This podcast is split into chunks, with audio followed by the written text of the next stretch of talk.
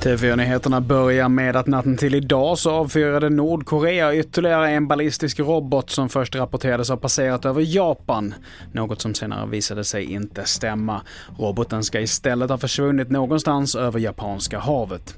Men nu svarar Sydkorea på provokationen genom att förlänga de militära övningar som pågår i regionen i samarbete med USA. Och vi fortsätter med att det kan bli kallare inomhus och kortare tid i duschen. De flesta svenskar är beredda att minska sin elförbrukning. Det visar en ny enkät som publiceras idag. Och för de flesta så är det ekonomin, inte miljön, som är avgörande.